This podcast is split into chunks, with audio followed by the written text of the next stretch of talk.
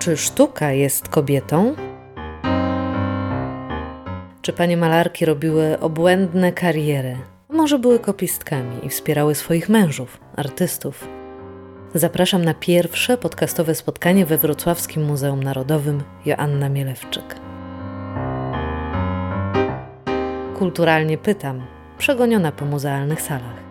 Myślę, że to przegonienie tak zwane będzie miało sens, ponieważ chciałabym dzisiaj Pani pokazać cztery obrazy, może więcej, tak? Może jeszcze jakieś róże na osłodę tego przegonienia, ale obrazy malarek.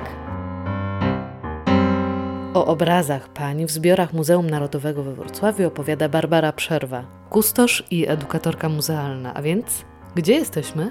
Jesteśmy na drugim piętrze w Muzeum Narodowym we Wrocławiu. Mamy tutaj galerię sztuki europejskiej i galerię sztuki polskiej. I jak Pani zobaczy w tym natłoku niesamowitych e, dzieł sztuki, odnaleźć kobiety wcale nie jest łatwo. Odnaleźć malarki, no, trzeba mieć pewien może zmysł, może wyczucie, a może po prostu wiedzieć. Ja bym chciała tą wiedzę Wam dać żeby nie tylko Pani mogła dzisiaj tego zakosztować, ale żeby nasi widzowie przyszli i poszukali właśnie tych konkretnych obrazów.